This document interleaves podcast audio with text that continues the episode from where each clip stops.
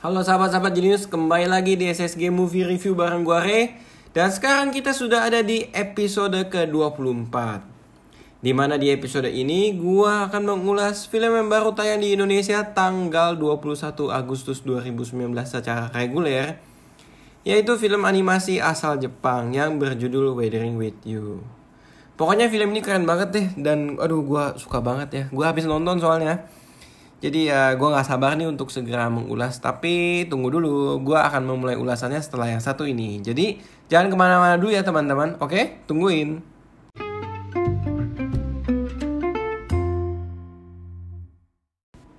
Oke gue sudah kembali di depan alat rekaman gue Jadi kita bisa langsung mulai ulasannya. Weathering With You oleh Makoto Shinkai.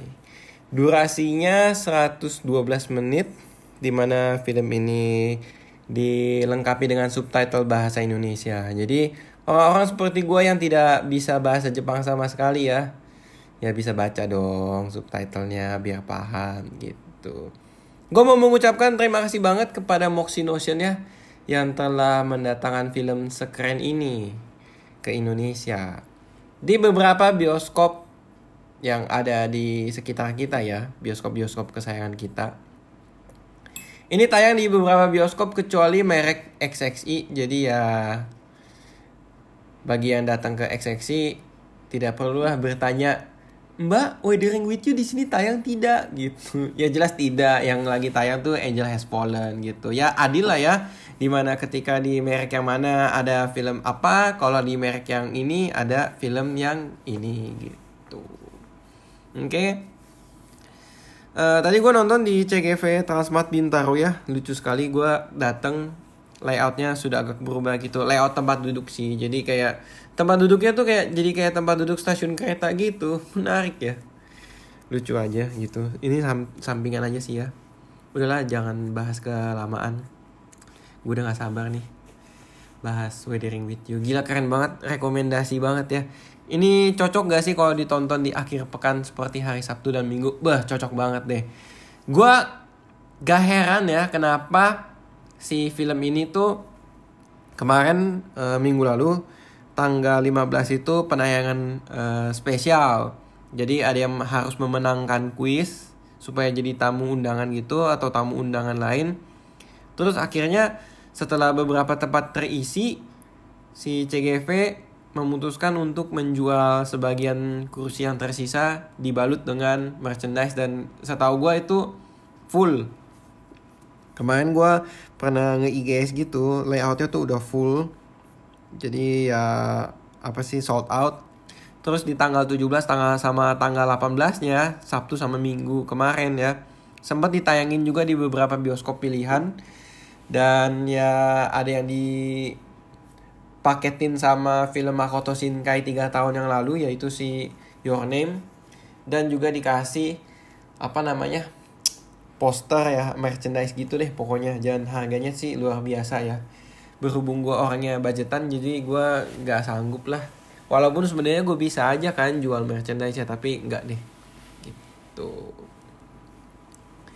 ya wajar ya uh, bisa marketingnya sampai sebegitu karena memang dari segi kualitas filmnya uh, sudah tidak diragukan lagi bagus banget gitu. Langsung saja kita mulai ya pertama-tama dari sinopsis dulu nih. Jadi sebenarnya si Weathering with You karya Makoto Shinkai ini menceritakan tentang apa sih? Jadi film ini adalah film yang menceritakan kehidupan seorang anak muda bernama Hodoka. Dia itu adalah anak remaja berumur 16-an tahun yang kabur dari rumah dan datang ke Tokyo Nah, kedatangannya di Tokyo ini tuh mempertemukan dia dengan beberapa orang di mana dia memulai hidupnya yang baru. Dia bekerja sebagai uh, semacam jurnalistik ya, blogger dan majalah yang lama kelamaan di tengah cerita dia bertemu dengan sesosok gadis bernama Hina Amano. Nanti habis ini gue sebutnya Hina aja ya. Jadi pertemuannya dengan Hina ini cukup menarik di mana akhirnya mereka tuh uh, saling bercerita satu sama lain bahwa Hina ini sebenarnya dapat mengendalikan cuaca. Kalau di dalam film ini dan di trailer ya, yang dikasih tahu adalah dia itu bisa menghentikan hujan dan mendatangkan uh, kecerahan di beberapa daerah tertentu gitu dengan cara berdoa. Nah, jadi dari adanya kemampuan inilah si Hodoka dan Hina ini berpetualang gitu untuk menghadapi kerasnya hidup di Tokyo. Dan plotnya seperti apa? Ya kalian bisa saksikan sendiri di bioskop kesayangan Anda. Asik. Sesingkat itu ya, karena memang genre dari film ini selain animasi mungkin bisa gue bilang fantasi ya. Jadi ya memang itu gitu. Ada hal-hal yang sudah di luar nalar dan logika kita tapi kita bisa enjoyable dengan apa yang ditampilkan ide-ide segar yang ditawarkan oleh pembuat film atau si Makoto Shinkai ini gitu. Kita langsung lanjut ke segmen berikutnya yaitu apa yang gue suka banget dari film ini. Banyak ya, banyak banget. Tidak seperti beberapa film kemarin ya. Gue ini kayaknya untuk episode yang ini kebanyakan memuji filmnya karena memang ya gue suka gitu. Gue mencoba untuk seobjektif mungkin walaupun pasti tersisipkan subjektif ya. Udah gak usah banyak bacot ya Rey langsung mulai. Sorry nih. Dari segi cerita tuh uh, filmnya efektif efisien ya.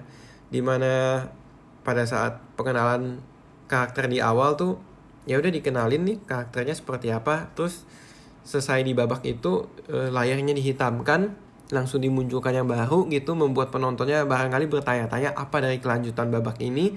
Terus sampai ada perubahan-perubahan karakter dan pertemuan dengan beberapa tokoh habis itu ditutup lagi babaknya. Barulah nanti dimulai lagi petualangan baru setelah mereka si Hodoka dan Hina ini saling kenalan dan lain sebagainya gitu. Jadi dia tuh uh, dramanya tuh nggak banyak bacot gitu potong-potongannya menurut gua rapih. Dan ya teman-teman dari awal sampai tengah itu kita tuh sedikit-sedikit disuapin sama twist-twist yang terdapat di dalam film ini. Sampai ke tengah film menuju akhir klik gitu ya boom. Wah ternyata tuh uh, dari cerita ini nih twist yang ditawarkan tuh seperti apa gitu membuat penontonnya tuh berdebar-debar dan oh ini gimana ya? sampai akhirnya ya gitu. Jadi kayak sepanjang film nih 100 112 menit ini kita tuh diusahakan supaya nggak ngantuk banget nontonnya gitu. Karena karena ini ada fantasi tetapi juga dibalut dengan semacam mitologi gitu ya e, pembawaannya ya cerita fairy tale atau cerita rakyat gitu. Maksudnya di dalam filmnya gitu ya. Seakan-akan tuh kemampuannya si Hina ini nih seperti apa sih gitu. Dulu ada cerita dan lain sebagainya dan dikuak gitu oleh beberapa tokoh. Jadi dari sedikit demi sedikit adegan yang ada di dalam film tuh kita harus benar-benar perhatiin supaya kita sampai akhir film tuh baru paham gitu. Semoga ya teman-teman kalau yang nonton film ini uh, tidak dalam keadaan ngantuk supaya benar-benar bisa enjoy setiap clue ya. Kalau misalkan kalian gak paham jangan langsung menghakimi dulu ah gue nggak ngerti nih dan lain sebagainya. Ya coba tanya dulu teman kiri kanannya gitu paham atau enggak gitu atau baca-baca penjelasannya gitu. Itu tadi ya cerita dan twistnya tuh yang luar biasa dari film ini. Bener-bener apa ya walaupun tertebak tapi pasti ada kejutan selanjutnya di setiap adegan atau momen yang ditayangkan ke kita fantasinya si pembuat film ini sih yang gue salut banget oke lanjut ya yang gue suka lagi dari film ini adalah bagaimana mereka mentreat dan men-setup karakter-karakter yang ada di dalam film si Weathering With You ini. Khususnya si dua tokoh utama kita ya, si Hodoka dan Hina. Dan beberapa tokoh-tokoh pendukung lainnya, yaitu si Hina ini punya seorang adik laki-laki bernama Nagi gitu. Terus si Hodoka ini pada saat datang ke Tokyo eh, kenalan juga dengan seorang pemuda bernama Keisuke lalu dikenalkan lagi dengan eh, orang lain lagi orang lain dan lain sebagainya gitu. Nah kita mulai satu persatu dulu ya. Menurut gua setupnya setiap karakter itu komplit ya dan dibawakan dengan secara efektif serta efisien juga. Komplit dalam artian gini. Jadi ada yang adegan-adegan di mana pengenalannya itu kita bisa lihat dari conversational ini aja apa pembicaraan antar tokoh gitu. Jadi kayak kenalan gestur kenalan kan sebut nama dan lain sebagainya. Terus uh, kenapa dia kabur dari rumah apa segala macam mau bekerja bekerjanya seperti apa dan lain sebagainya. Itu satu. Jadi dari conversational itu ada.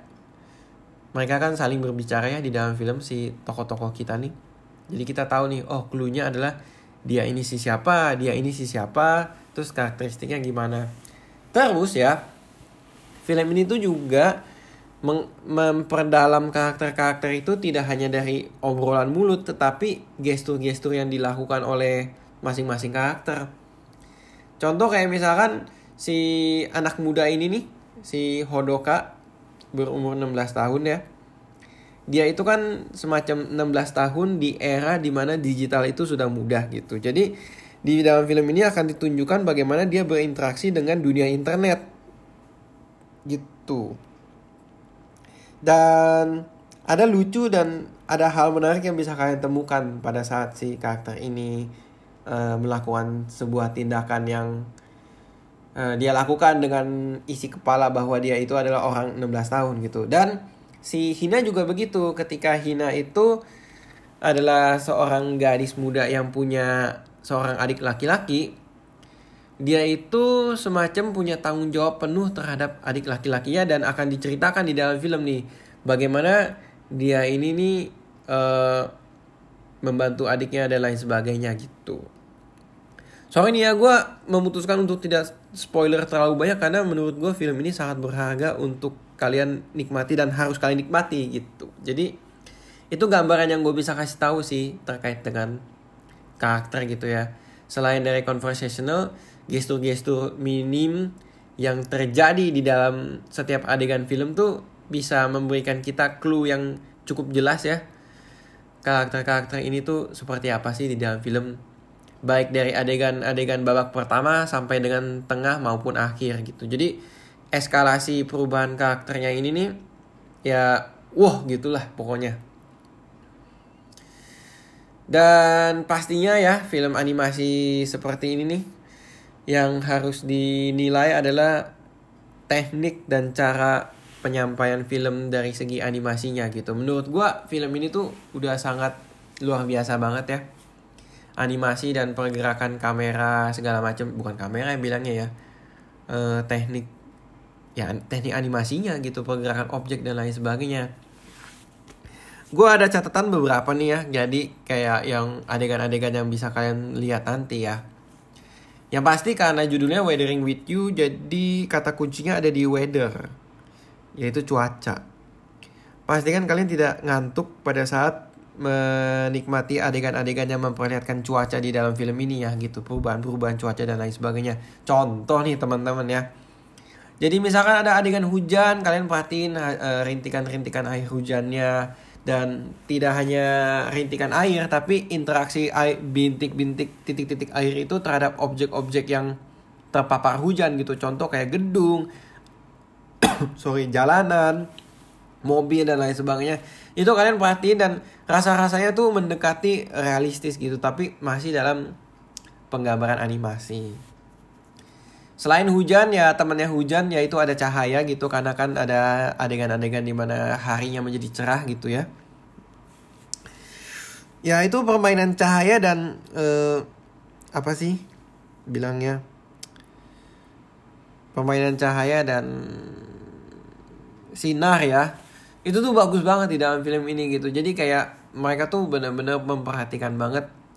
Kita kalau gerakin kameranya kayak gini ya uh, arah cahayanya mungkin jadi kayak gini kali ya gitu. Wah keren deh pokoknya.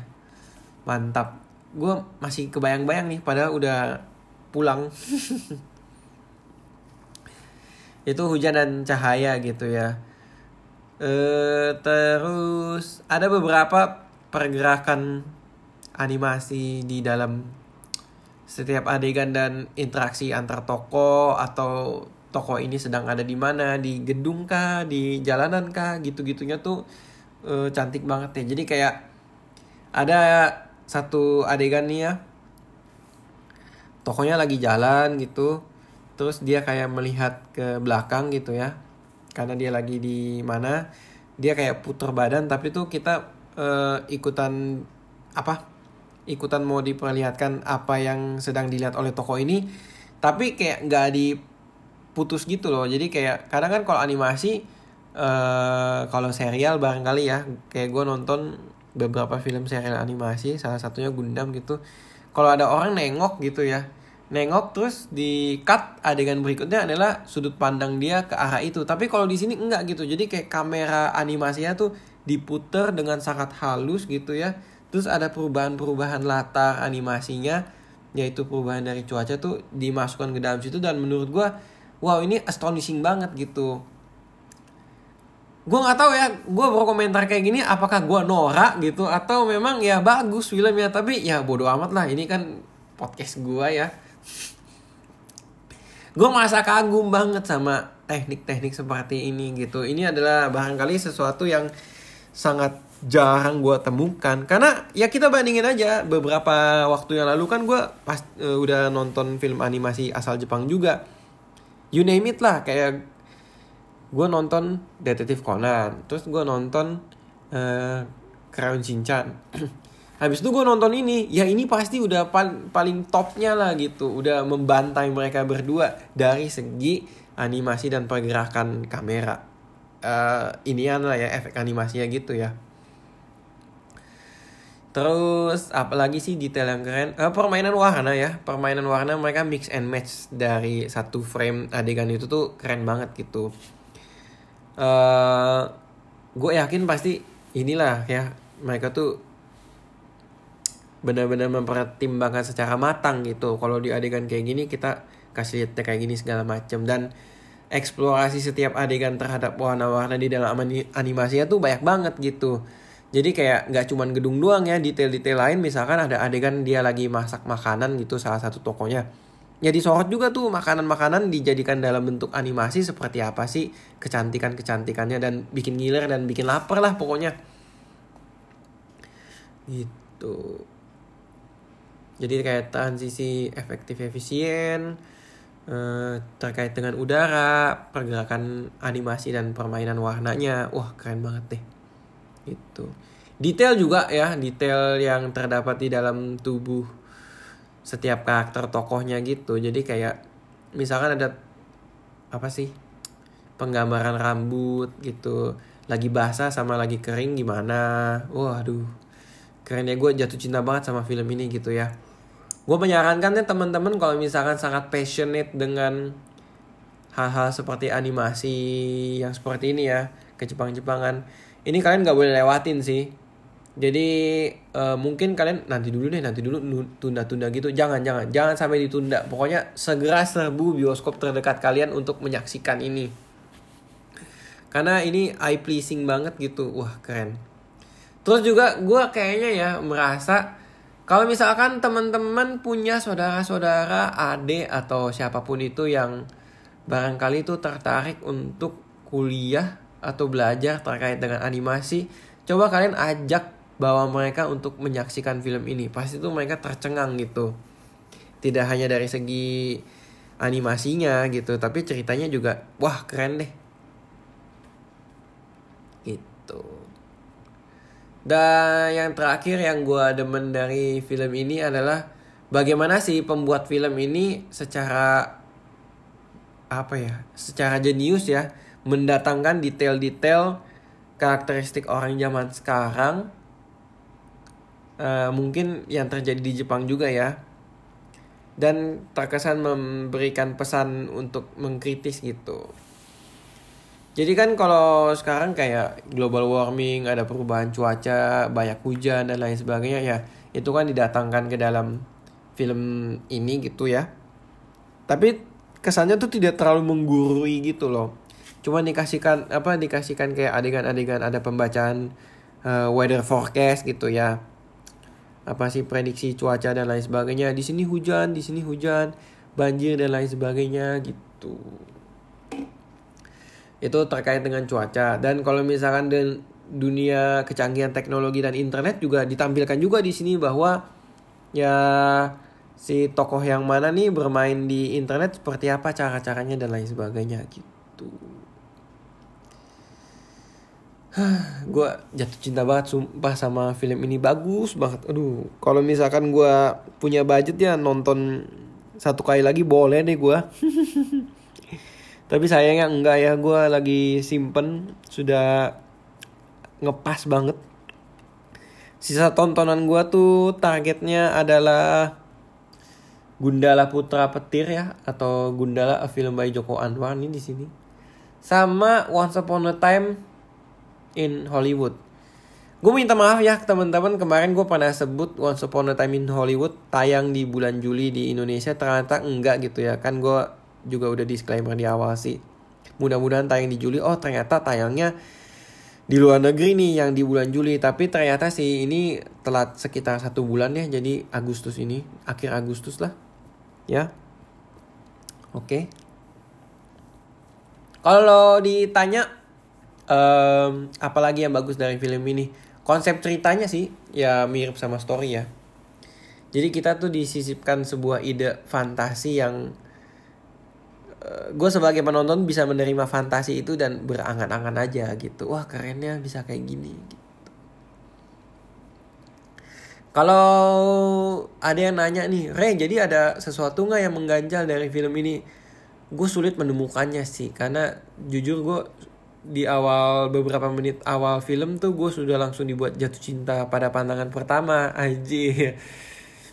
Uh, tapi kalau gue boleh berkomentar dan kritis ya, menjelang akhir film, ketika karakternya sudah terdevelop ya, dengan durasi yang masih agak panjang justru gue malah mempertanyakan ketika kak karakter yang apa melakukan sebuah tindakan uh, ini dan itu tuh motivasinya tuh tidak ini apa tidak terkemuka gitu. Jadi sebenarnya gue jadi kayak gimana ya sepulang dari nonton ini gue bertanya-tanya kenapa menjelang akhir film ya di beberapa adegan si ini begini si itu begitu gitu. Jadi um,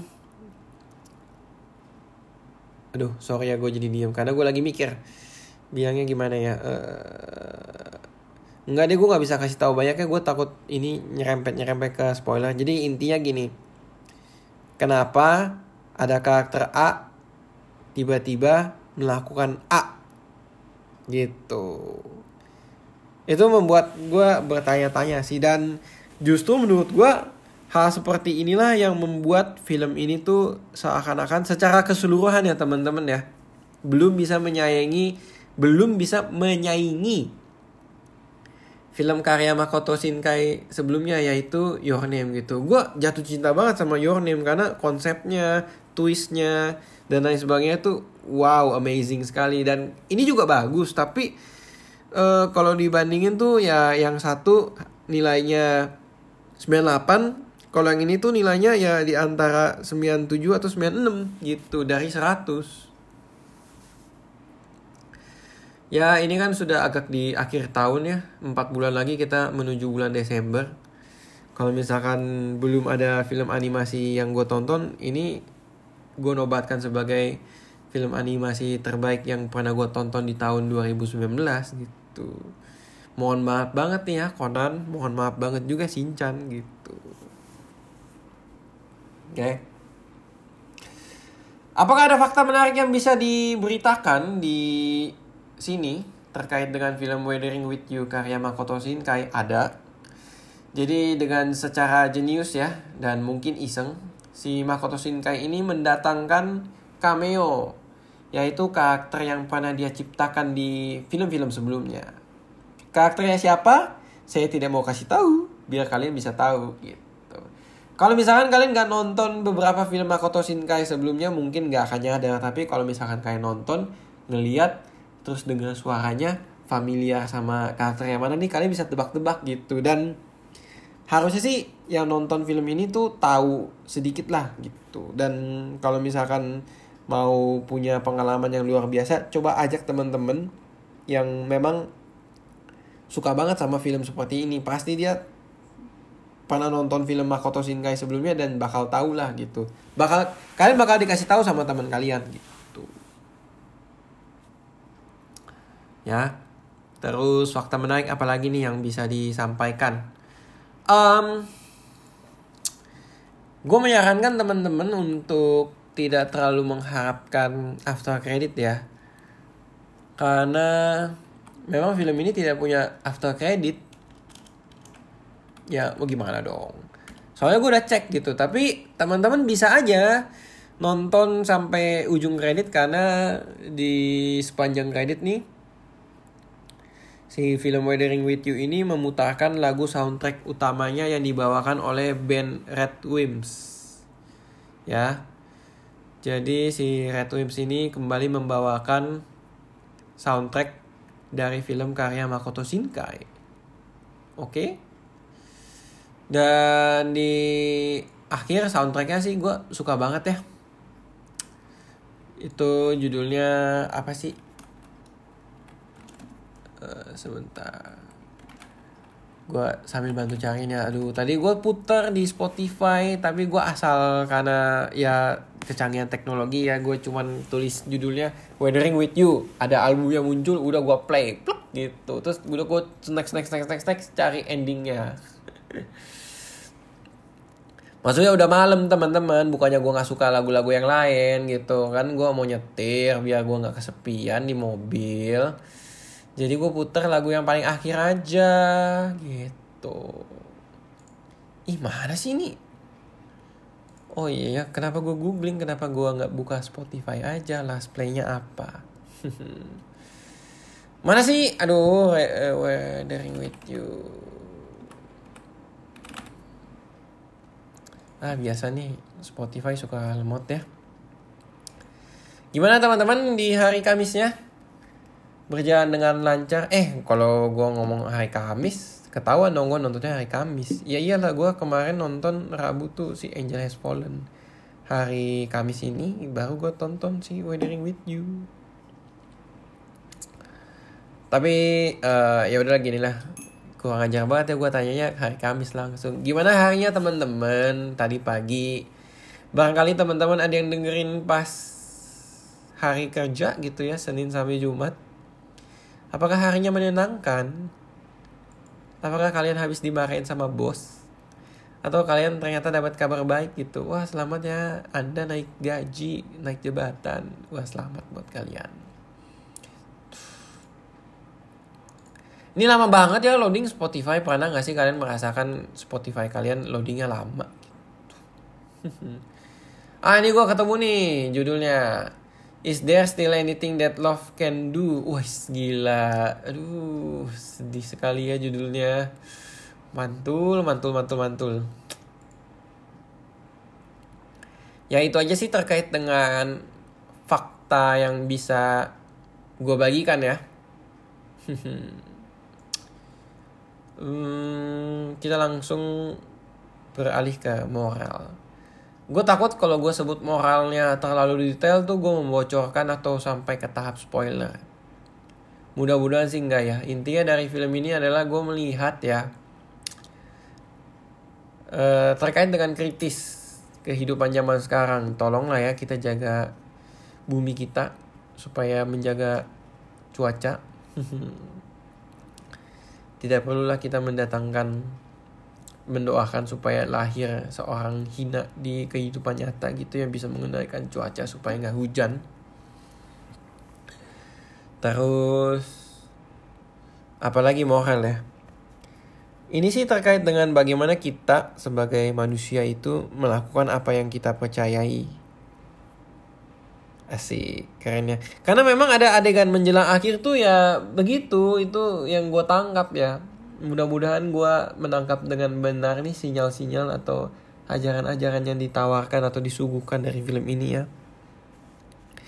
Bagaimana orang tuh melakukan sesuatu berdasarkan apa yang mereka yakini dan tekuni gitu.